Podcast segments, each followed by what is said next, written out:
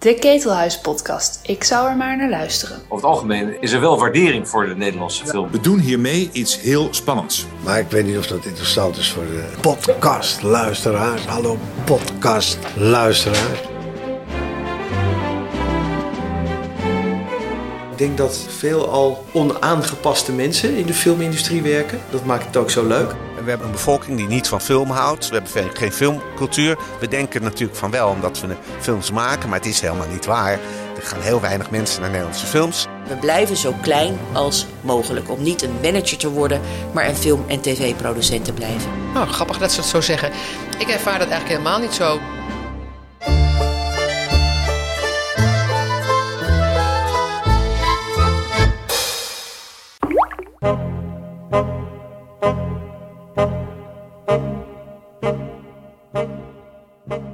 Welkom bij de 42e editie van de Ketelhuis Podcast.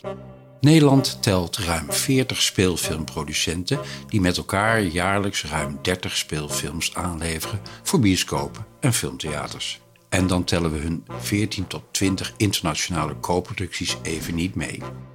Wat doet een Nederlandse filmproducent eigenlijk? En heeft zijn of haar bedrijf iets als een eigen DNA? Nico van den Berg sprak met vier van hen, die alle vier al tientallen jaren in het vak zitten. Frans van Gestel van Top Capi Films, Alain de Levita van Levitate Film, Hanneke Niens van Key Film en Leontien Petit van Lemming Film. In deze podcast horen we Hanneke Niens. Hanneke Niens werkt sinds 1999 als filmproducent, eerst als medeoprichter van IDTV Film en vanaf 2008 als eigenaar en medeoprichter van Keyfilm. Tot het productieoeuvre van Niens behoren speelfilms als De Vogelwachter, Dorst, Nooit meer slapen, Van Toe, Nena en Soof 1, Soof 2 en Soof 3. Binnenkort in uw theater. Ook was ze co-producent van de televisieserie Zwanenburg. Anneke Niens is van de nauwe, harmonieuze samenwerking. Hoe ben je zo het producentenwereldje ingerold? Wow, dat is wel uh, een ingewikkelde vraag. Uh, ik heb theaterwetenschap gestudeerd in Utrecht.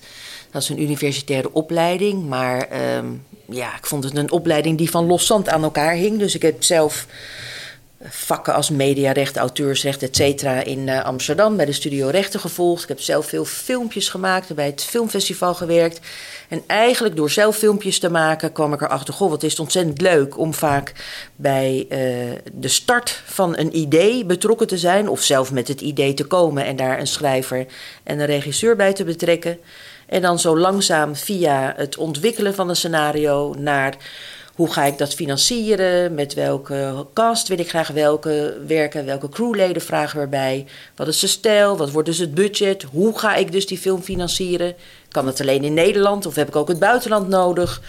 Uh, via de opname, waarin je rol veel kleiner is, omdat je een heel productieteam hebt.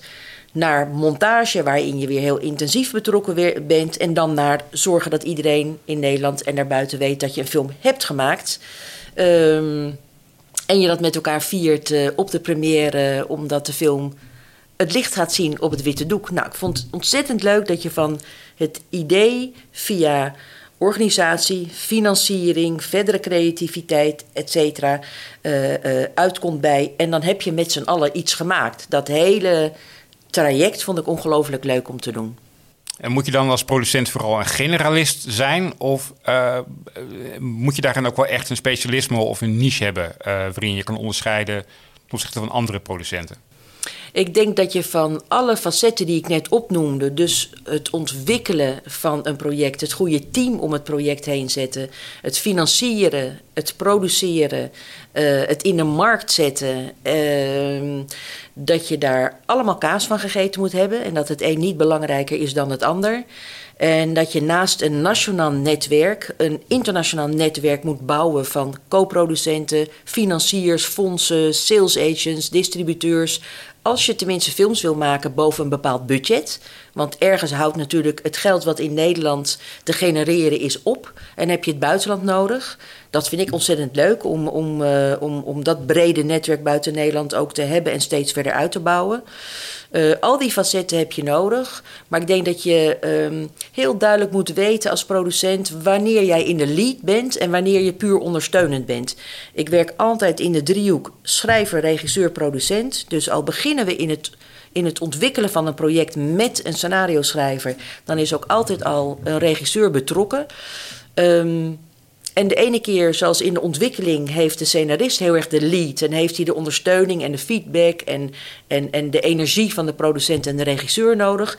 In een volgende fase van financiering heb ik net zo hard de schrijver en de regisseur nodig, maar dan ben ik meer in de lead. En zo verschuif je in die driehoek steeds van uh, uh, uh, intensiteit, maar in elke fase heb je die driehoek nodig. Moet je echt een klik hebben ook met een regisseur of met een scenario schrijver om een project succesvol te kunnen maken? Poeh, ik denk dat er producenten en schrijvers en regisseurs die zullen zeggen van vanuit schrij, uh, uh, wrijving ontstaat glans.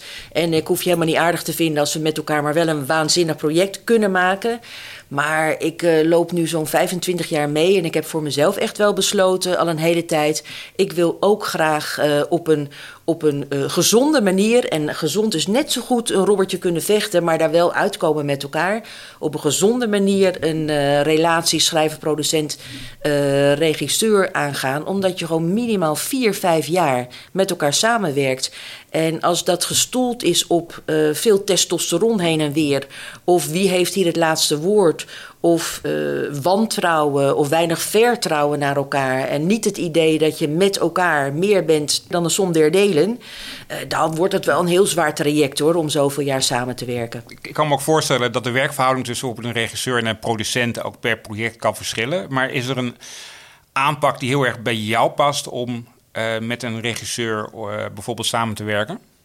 Um, nou, het begint er al mee dat wij in het beginstadium van de ontwikkeling, naast samenwerking met de scenario schrijver, samenwerken met de regisseur. Want dan is de kans het kleinst dat op een opnamedag je dingen voorbij ziet komen waarvan je denkt: hé, maar we waren toch naar links gegaan met z'n allen, waarom ga jij nu naar rechts? Hoe meer je samen opwerkt vanuit de basis, hoe groter de kans dat de neuzen dezelfde kant op staan. En dat je al die gevechtjes en hobbels en, en avonturen uh, die je met elkaar aangaat, allemaal in de ontwikkeling van het project bent tegengekomen. En niet opeens. Um, op de set denkt: waarom staat de camera op zijn kop? Want daar hebben we het nooit over gehad. Of in een montage je afvraagt: hé, maar uh, er zijn helemaal geen totale gedraaid. Die film wordt nergens established, wat zo belangrijk was. Dat heb je, als het goed is, allemaal in het voortraject met elkaar getackeld. En over geboomd en gediscussieerd. En wat ik zeg, misschien eens een keer een, uh, een, een gevechtje over gehad. En dat is alleen maar leuk en gezond. Um, ja, wat is mijn aanpak daarbinnen? Um, ja, niemand heeft de wijsheid in pacht. Op het moment bijvoorbeeld dat een regisseur aan mij vraagt: als we ergens niet uitkomen, wie heeft dan het laatste woord? Dan denk ik al: oei, heb jij hele slechte ervaringen waarom jij dit wil weten? Uh, want uh, ik ben zelf nog nooit in de situatie gekomen dat ik uh, moet zeggen: sorry, maar ik heb final cut. Dat is, ik heb het laatste woord over de montage van een film. Dus ik beslis nu dat ik het niet met je eens ben en dat we een andere kant op gaan. Dat heb ik zelf nog nooit meegemaakt. Het is wel goed om het vast te leggen. Voor je weet maar nooit dat je het meemaakt. Maar dit heeft weer te maken met hoe, hoe meer je vanaf het prille begin met elkaar bent opgetrokken. En hoe intensiever je met elkaar jaar in, jaar uit over je visie op een film praat. Hoe kleiner de kans is dat je ooit tegen elkaar moet zeggen: we komen er niet uit, wie heeft het laatste woord.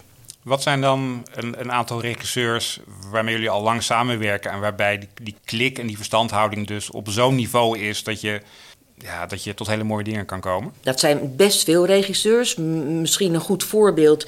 We uh, draaien nu met Saskia Dissing de film Verloren Transport. Die heeft zij geschreven en uh, regisseert ze. We zijn op de helft van de opname. We draaien die hele film, zo'n grote film, groot budget, in uh, Luxemburg en in Duitsland. En met Saskia hebben we ook haar debuutfilm Nena en haar tweede film Dorst uh, ontwikkeld en geproduceerd. En dan merk je echt heel erg dat je door het, de ervaring met elkaar, door de kilometers die je met elkaar hebt gemaakt, alleen nog maar uitgaat van de ander heeft het beste met mij en mijn film voor. En niet uh, wil zijn stempel ergens op drukken of vindt dat hij de wijsheid in pacht heeft. En dat maakt onze samenwerking echt, vind ik, heel, heel bijzonder. Sowieso is Saskia iemand met ontzettend veel energie en een heel groot hart waarin iedereen zijn, in en, eh, zijn input kan geven op een project. En zij is altijd onderdeel van de oplossing, nooit van het probleem. Er wordt ook bij films bijvoorbeeld gezegd dat is uh, herkenbaar als een Saskia uh, Diesing film, een bepaalde signatuur. Zou je ook kunnen spreken van een, van een keyfilm signatuur? Ja, wij kunnen heel duidelijk van een keyfilm signatuur spreken. Dat staat ook op onze website en dat streven wij ook uh, uh, na.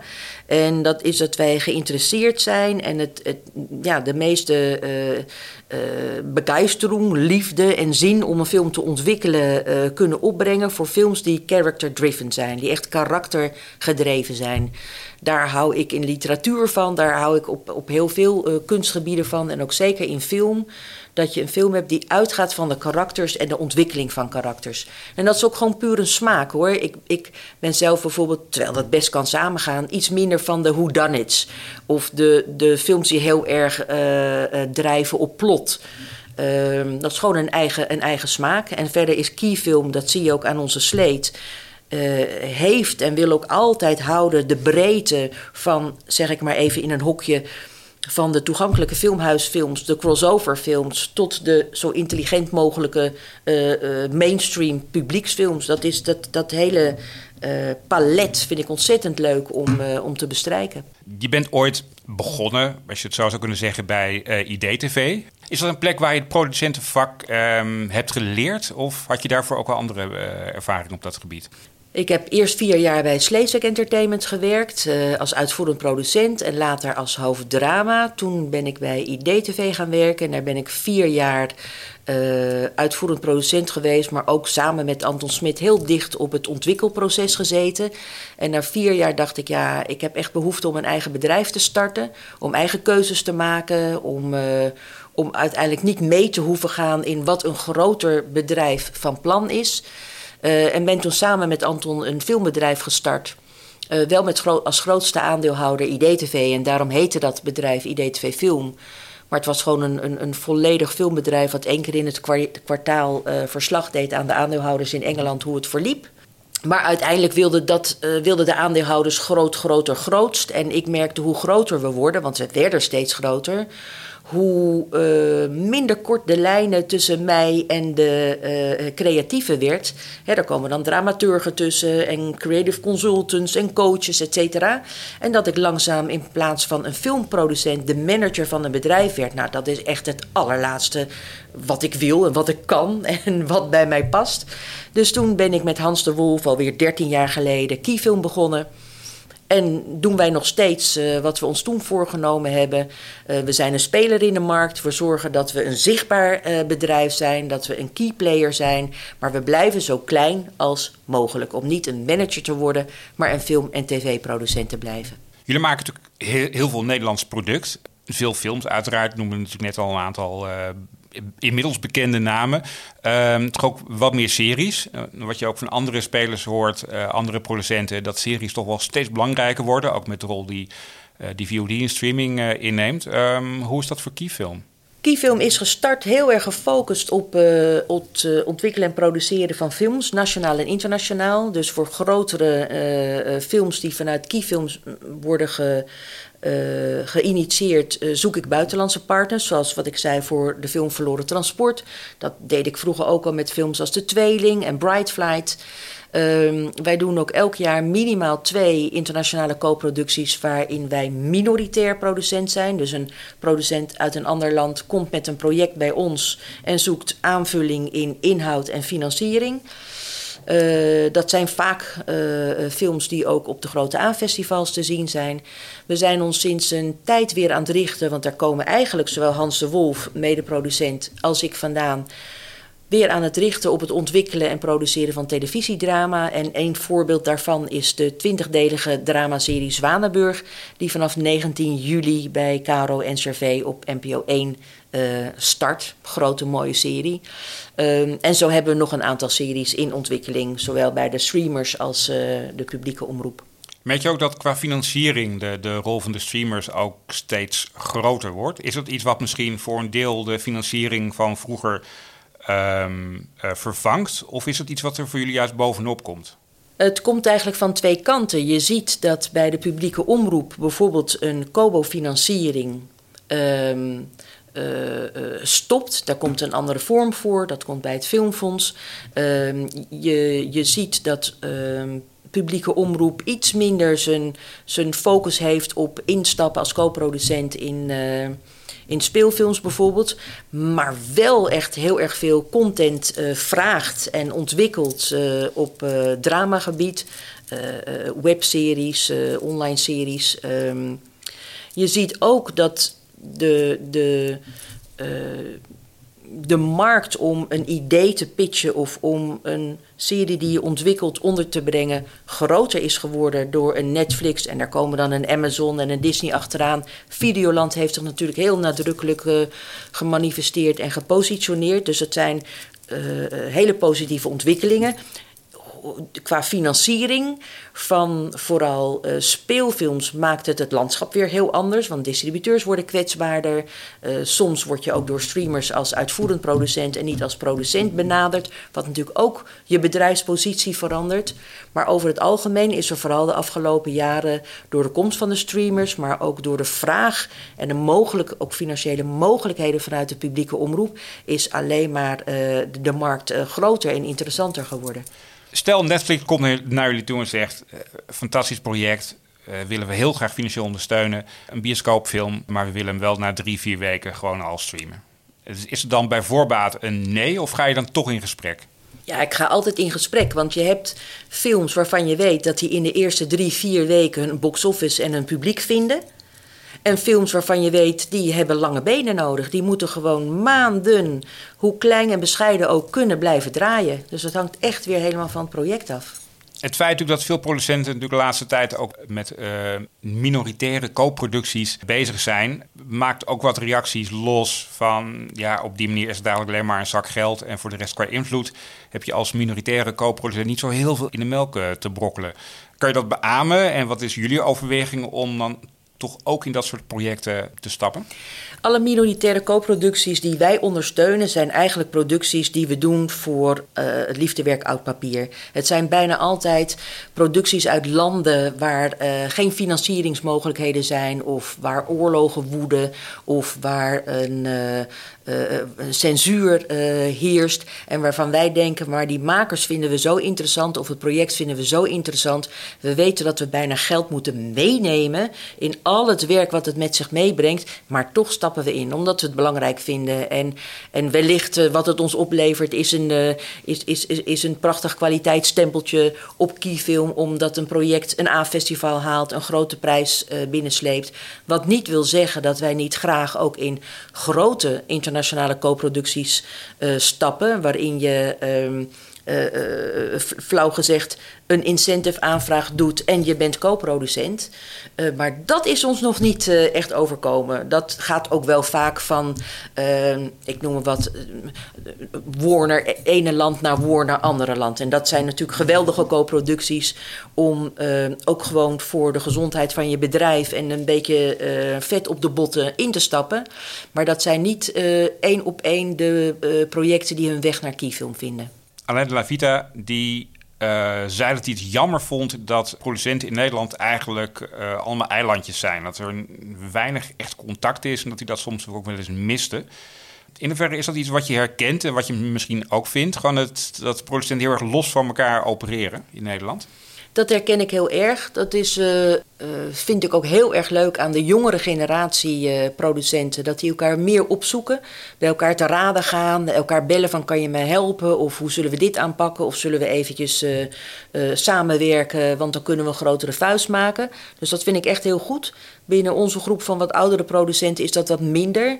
Um, het leuke is, ik stuur alleen bijvoorbeeld een berichtje van... Goh, ik heb Bankier van het Verzet gezien. Ik vond het echt prachtige film. Dit was nou weer zo'n film waarin je ook met, waar je ook met je kind naartoe gaat. En dat hij net zo goed dat andersom is uh, bij mij doet. Dus ik probeer hier en daar gewoon, omdat ik probeer alle Nederlandse films van collega's te zien... daar ook iets over te zeggen. En er zijn ook producenten die ik ook wel eens bel voor hulp, et cetera. Maar hij heeft helemaal gelijk, dat zou gewoon een stuk saamhoriger kunnen. Maar ik zie echt in de generaties onder ons dat het veel meer lukt.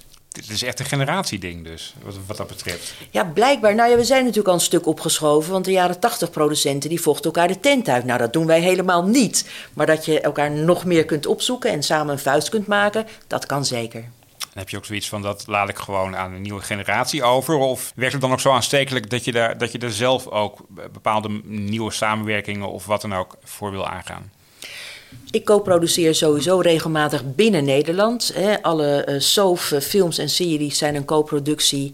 Uh, ik heb met Terug naar de Kust een film. Nou, er, zijn, er zijn een aantal projecten die ik samen met andere producenten doe. Dat je ziet dat je een meerwaarde hebt. Dat je 1 en 1 is 3 is op verschillende vlakken met elkaar. Um, dus daar werkt dat prima op. Um, maar ik ben ook niet uh, in de voorhoede om met borrels of samenkomsten of wat dan ook uh, een, een, iets grotere band met elkaar te krijgen. Het is natuurlijk altijd lastig om aan de producent te vragen uh, welke film of welk proces van film maken is je het meest dierbaar. Dat is net, dat is net zoiets als aan oude vragen hè, van welk kind is je het meest dierbaar. Maar eerst nog een bepaalde film die om wat voor reden dan, dan ook je, je nog steeds heel dierbaar is. De film zelf of het hele proces van maken. Er zijn een aantal dingen die, die heel dierbaar voor me zijn. Ik, kom, ik bedenk me nu meteen heel lang geleden de laatste film die Willem van der Zanden Bakhuizen, regisseur waar ik heel veel mee samen heb gewerkt, echt uh, 10, 12 jaar mee samen heb gewerkt, die overleed voordat zijn film Ik omhels je met duizend armen af was. En het bijzondere in die verdrietige periode was dat we met alle head of departments, dus componisten, sounddesigners, editors, etc., hebben we in zijn geest geprobeerd de film af te maken. Dat was echt een bijzondere periode. Maar verder zijn er zoveel fases in een, in een, in een proces van het maken van een film of een serie mij dierbaar. Um, en een samenwerking met mensen. Het, het is wel zo dat ik elke keer in de hele postproductieperiode de beeld uh, uh, nabewerking, sound, muziek. Het, het, ik ben elke keer weer overrompeld en verrast hoe daar opnieuw de film wordt gemaakt. En hoe elke fase in die postproductie de film weer een niveau hoger tilt. Dat blijf ik gewoon, gewoon wonderbaarlijk knap vinden. Tot zover deze Ketelhuis podcast. Je vindt de Ketelhuis podcast in je favoriete podcast app en natuurlijk op onze website ketelhuis.nl/slash podcast. Abonneer je vooral zodat je geen enkele aflevering mist en leuk als je een reactie achterlaat. Hou ons in de gaten, we zijn snel weer terug met een nieuwe podcast.